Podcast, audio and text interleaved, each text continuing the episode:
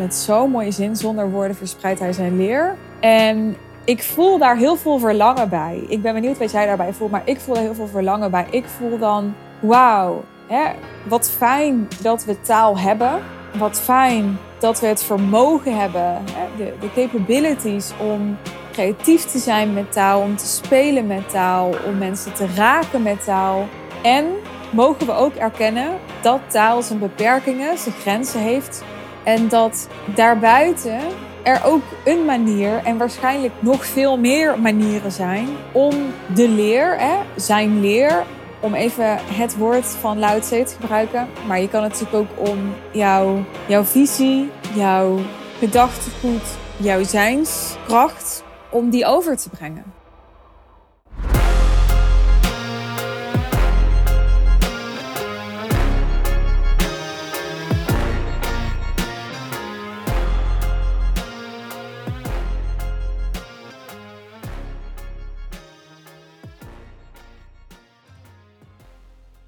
Waar veel mensen, veel ondernemers vooral, nu onder andere zich uh, bezighouden met AI en ChatGPT en wat dat kan betekenen voor je bedrijf en wat dat betekent voor jouw vak en de toekomst daarvan, zit ik uh, in een heel ander proces waar ik eerder ook al wat over deelde. Uh, doordat ik een intensief traject met mijn spiritueel leraar aan ben gegaan. En uh, naast dat het heel leerzaam is, vind ik het ook regelmatig grappig.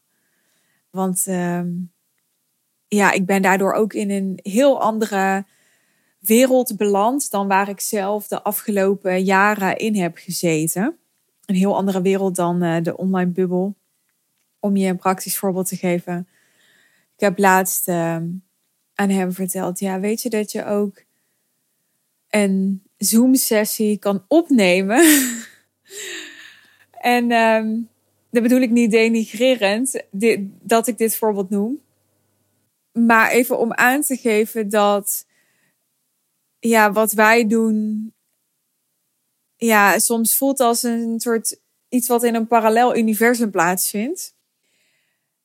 Omdat het niet zozeer te maken heeft met vernieuwing, althans met vernieuwing zoals wij in eerste instantie associaties bij vernieuwing hebben.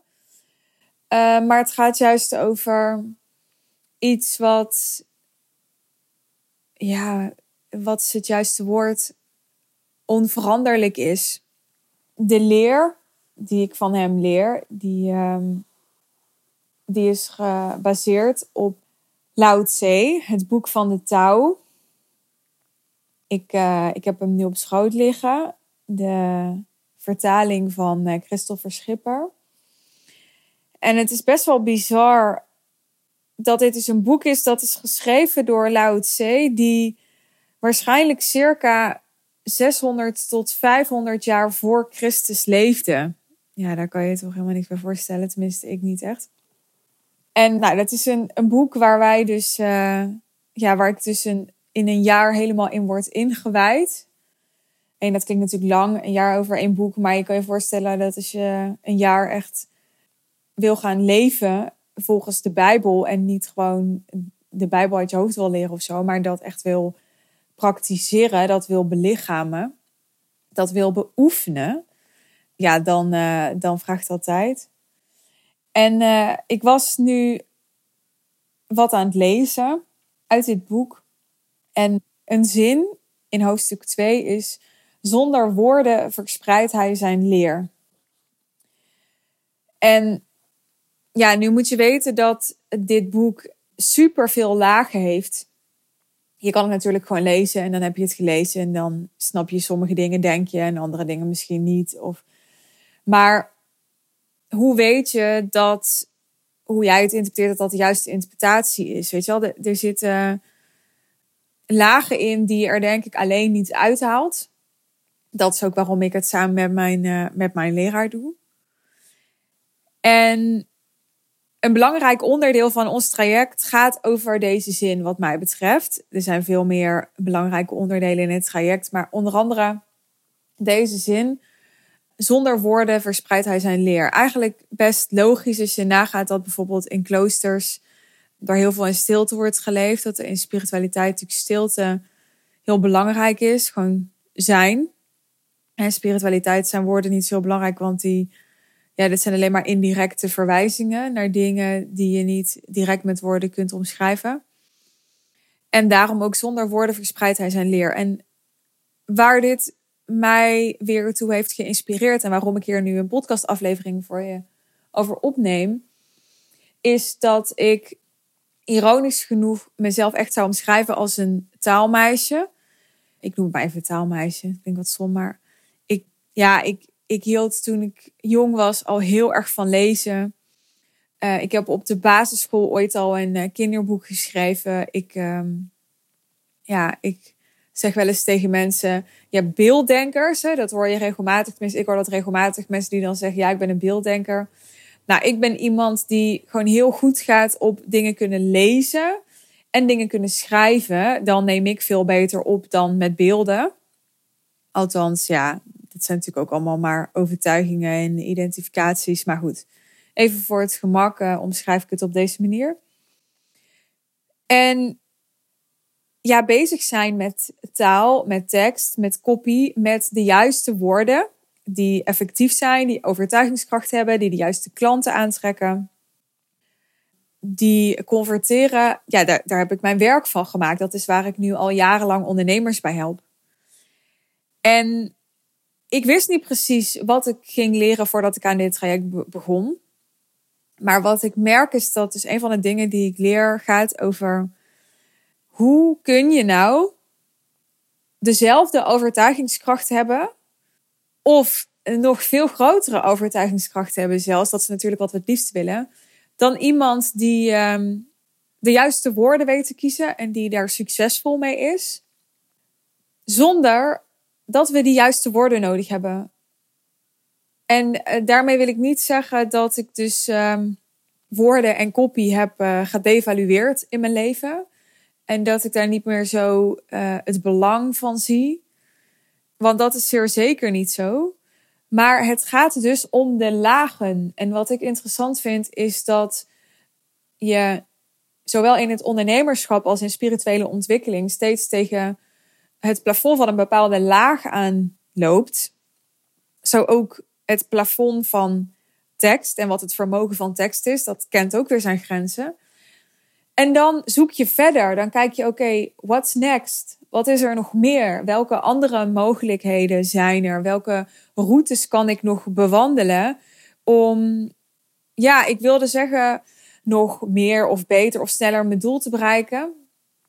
Maar ook dat kent weer zijn beperkingen, je doelen bereiken. Want uiteindelijk denk ik niet dat we hier per se zijn om onze doelen te bereiken. Ik denk dat we hier vooral zijn om te expanden. Hè, als je het um, wat, van een wat holistischer oogpunt bekijkt. En vandaar ook dat ja, ik in ieder geval de natuurlijke neiging voel om wanneer ik tegen zo'n plafond of tegen zo'n grens van een laag aanloop, om dan verder te kijken. Ja, wat ook een van de aanleidingen is waardoor ik ja, in, in dit traject ben gerold. Ik vind dat altijd een beetje gek omschreven, gerold, want dat voelt zo alsof het je is overkomen. Maar ik bedoel meer te zeggen dat, ja, dat het op mijn pad is gekomen. Dat niet iets is wat ik heb bedacht dat ik zou aangaan. Maar natuurlijk wel iets is waar ik bewust ja tegen heb gezegd.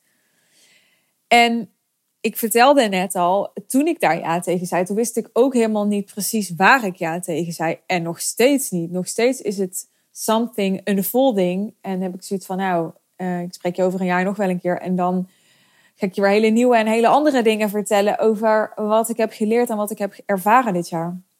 Maar nu zit ik dus midden in dat proces van zonder woorden verspreidt hij zijn leer. Ik vind het zo'n mooie zin. Zonder woorden verspreidt hij zijn leer. En ik voel daar heel veel verlangen bij. Ik ben benieuwd wat jij daarbij voelt, maar ik voel er heel veel verlangen bij. Ik voel dan, wauw, wat fijn dat we taal hebben. Wat fijn dat we het vermogen hebben, de, de capabilities om creatief te zijn met taal, om te spelen met taal, om mensen te raken met taal. En mogen we ook erkennen dat taal zijn beperkingen, zijn grenzen heeft. En dat daarbuiten er ook een manier en waarschijnlijk nog veel meer manieren zijn om de leer, hè, zijn leer, om even het woord van Lao te gebruiken. Maar je kan natuurlijk ook om jouw, jouw visie, jouw gedachtegoed, jouw zijnskracht, om die over te brengen. En ik denk dat dit een idee is wat al steeds meer begint te leven, ook in de online bubbel. Hè. Dus ja, er, er zijn een aantal jaren geweest, zo'n zeven, zes, vijf jaar geleden, vier, waarin heel erg ja, het idee in opkomst was dat je dus zelf op een hele laagdrempelige manier je inkomen kunt bepalen en heel goed geld kunt verdienen met iets wat je heel natuurlijk afgaat. Dat is natuurlijk echt iets van deze tijd. Je bent ergens goed in, je hebt bepaalde skills, uh, je hebt bepaalde ervaring, uh, je hebt bepaalde kennis. En ja, je kan die heel laagdrempelig verspreiden via bijvoorbeeld social media. Om zo uh, klanten aan te trekken die ervoor willen betalen om die kennis, die ervaring die mindset van jou te leren, zich eigen te maken. Ja, op een gegeven moment heeft dat denk ik voor een bepaalde verzadiging gezorgd, die beweging. En dan zie je, wat natuurlijk een natuurlijk proces is, dat er een tegenbeweging ontstaat. En de afgelopen jaren is die tegenbeweging, naar mijn idee, geweest dat, dat we allemaal minder behoefte hebben aan die kennis. Misschien zelfs ook wel uh, minder behoefte aan die ervaring. Want ervaring, laten we eerlijk zijn, is natuurlijk ook betrekkelijk. Hè? Ik bedoel, um, ja, ervaring van iemand die jou niet is, ja, je kan al heel anders redeneren, maar je kan ook redeneren, ja, um, wie zegt er dat ik dezelfde ervaringen kan krijgen?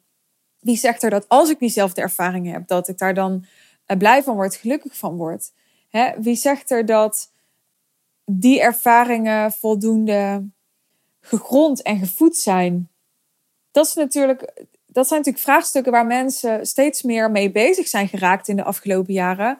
Omdat het zoveel gemakkelijker is geworden om veel sneller nieuwe tools, nieuwe kennis, nieuwe vaardigheden je eigen te maken door de, de digitale mogelijkheden die er tegenwoordig zijn. En dus zie ik al jaren, de afgelopen jaren, een collectieve beweging van mensen die op zoek zijn naar iets wat uh, dus verder gaat dan kennis en ervaring en ook wel dan mindset en wat meer te maken heeft met energie en met belichaming. Dus heb jij een bepaalde energie en ben je op een bepaalde manier zo gevoed dat ik me echt kan voeden aan jou. Even los van eh, de kennis die je hebt, de ervaring die je hebt, maar als ik met jou ben, als ik in jouw buurt ben, hè, eh, kan ik me daarmee voeden? Kan ik, word ik daardoor uitgedaagd? Word ik daardoor geïnspireerd? Word ik daardoor aangezet? Is een term die mensen ook wel gebruiken. Maar ook, ja, uh, wordt daardoor mijn geest verruimd? Krijg ik vernieuwende ideeën? Krijg ik, zie ik nieuwe mogelijkheden? En niet alleen omdat die ander jou uh, die ideeën geeft met woorden maar ook doordat ik ze kan putten uit de energie die om iemand hangt. Hè? Dus dat, het, dat ik door de energie die iemand brengt, zelf toegang krijg tot nieuwe ideeën en nieuwe mogelijkheden. Dat is een, een movement, een beweging die ik zie dat in opkomst is en is geweest de afgelopen jaren. En waar ik dus niet heel bewust iets mee wilde doen dit jaar, maar wat zo is ontstaan, wat ik net al vertelde, doordat ja, dit traject zo ontstond en ik me daaraan gecommitteerd heb. En waarom, met welk doel nou deze podcastaflevering voor jou? Nou, ik zou jou voor vandaag eens willen achterlaten met de vraag: wat zou jij kunnen doen om meer zonder woorden jouw leer te verspreiden? Wat zou jij kunnen doen? Je kan erover nadenken. Ik heb daar op zich niks op tegen. Maar ga daar gewoon eens mee zijn, ook met die vraag. Dus ga daar gewoon eens mee zijn. En daarmee bedoel ik impliciet te zeggen: ga zitten met die vraag zonder dat er een antwoord moet komen. Zonder dat je gehecht bent aan de uitkomst als je gaat zitten met die vraag. Ga er gewoon eens mee zijn. En dat is het doel op zich. Dus ga zitten met de vraag: wat zou ik kunnen doen om meer nog zonder woorden mijn leer te verspreiden? Als jij hier ook een verlangen op voelt, als jou dit ook aantrekt, als jou dit ook aanspreekt, hoe zou je dit kunnen doen? En laat het eens tot je komen zonder dat het heel rationeel moet zijn, zonder dat je het hoeft te onderbouwen of hoeft te legitimeren voor jezelf, dat wat tot je komt, dat het klopt en dat het zinvol is. Want het gaat juist over zonder woorden. Dus wat komt er tot jou? Kun je dat eens trainen? Kun je daar gewoon eens mee oefenen, mee spelen? Zonder dat het moet lukken. En misschien komt er niks. En dan is het ook prima, maar ga er dan maar gewoon eens een paar weken mee zijn. dus het is ook niet zo dat als er vanmiddag niks komt, dat het al mislukt is. Stel, je zou dit vanmiddag luisteren. Maar ga er gewoon eens mee zijn zonder dat je gehecht bent aan wat het oplevert om dit te doen. Alleen dat is al een fantastische training, al een fantastische oefening. Omdat we zo graag willen controleren wat iets moet opleveren, dat dat alleen al onze openheid van geest beperkt om ja, dingen te zien, dingen waar te nemen, dingen te ervaren, die dus buiten ja, wat wij met onze, uh, mijn leraar noemt dat kleine geest, kunnen bedenken vallen. Dus alleen al dat idee van, oké, ik ga daarmee zijn en ik ga niet controleren wat het oplevert, dat is al een fantastische oefening om gewoon eens wat meer open te raken. En ik denk dat die openheid nooit kwaad kan. Dat die openheid altijd leidt tot verruiming. Op het moment dat ik, dat ik het woord uitspreek, openheid, dan, dan associeer ik dat zelf ook onmiddellijk met die expansion, met dat expanden, met dat verruimen. Nou, ik ben heel benieuwd hoe jij hier naar luistert. Dus ehm, laat het me weten als je deze aflevering geluisterd hebt. Ik kijk er naar uit om, uh, om een reactie van je te krijgen. Vind ik altijd tof. Uh, je kunt me een DM sturen op Instagram, op LinkedIn. En ehm, ja, als je mijn proces wil volgen, dus dit uh, proces met mijn spiritueel leraar, maar ook mijn boekproces en hoe het verder gaat met Affluence, mijn business mentorship. En ja, als je het gewoon tof vindt om van mij te leren over het high-end business model, maar ook van mij als persoon, zorg dat je abonnee bent van de podcast of dat je even op volg hebt geklikt op Spotify. Dan krijg je notificaties van nieuwe afleveringen. Mocht je nog geen volger zijn, is helemaal gratis. En um, dan blijf je up-to-date. Yes? Als je zegt, oké, dit was echt tof voor mij en ik ken mensen en die moeten dit ook horen. Althans, die zou ik het echt aanraden om naar deze aflevering te luisteren. Ik vind het te gek als je deze aflevering wil delen in jouw netwerk. Dus deel hem dan als aanbeveling, bijvoorbeeld in je stories of op LinkedIn of um, waar jij dan ook maar actief bent. Dankjewel alvast als je dat doet. Vergeet mij niet te taggen, dan kan ik het ook zien. Heel tof. En ja, ik wil je verder een mooie dag wensen. Een mooie avond misschien, als het avond is als je dit luistert. Of alvast wel te rusten zelfs. En heel graag tot de volgende keer. Bye bye.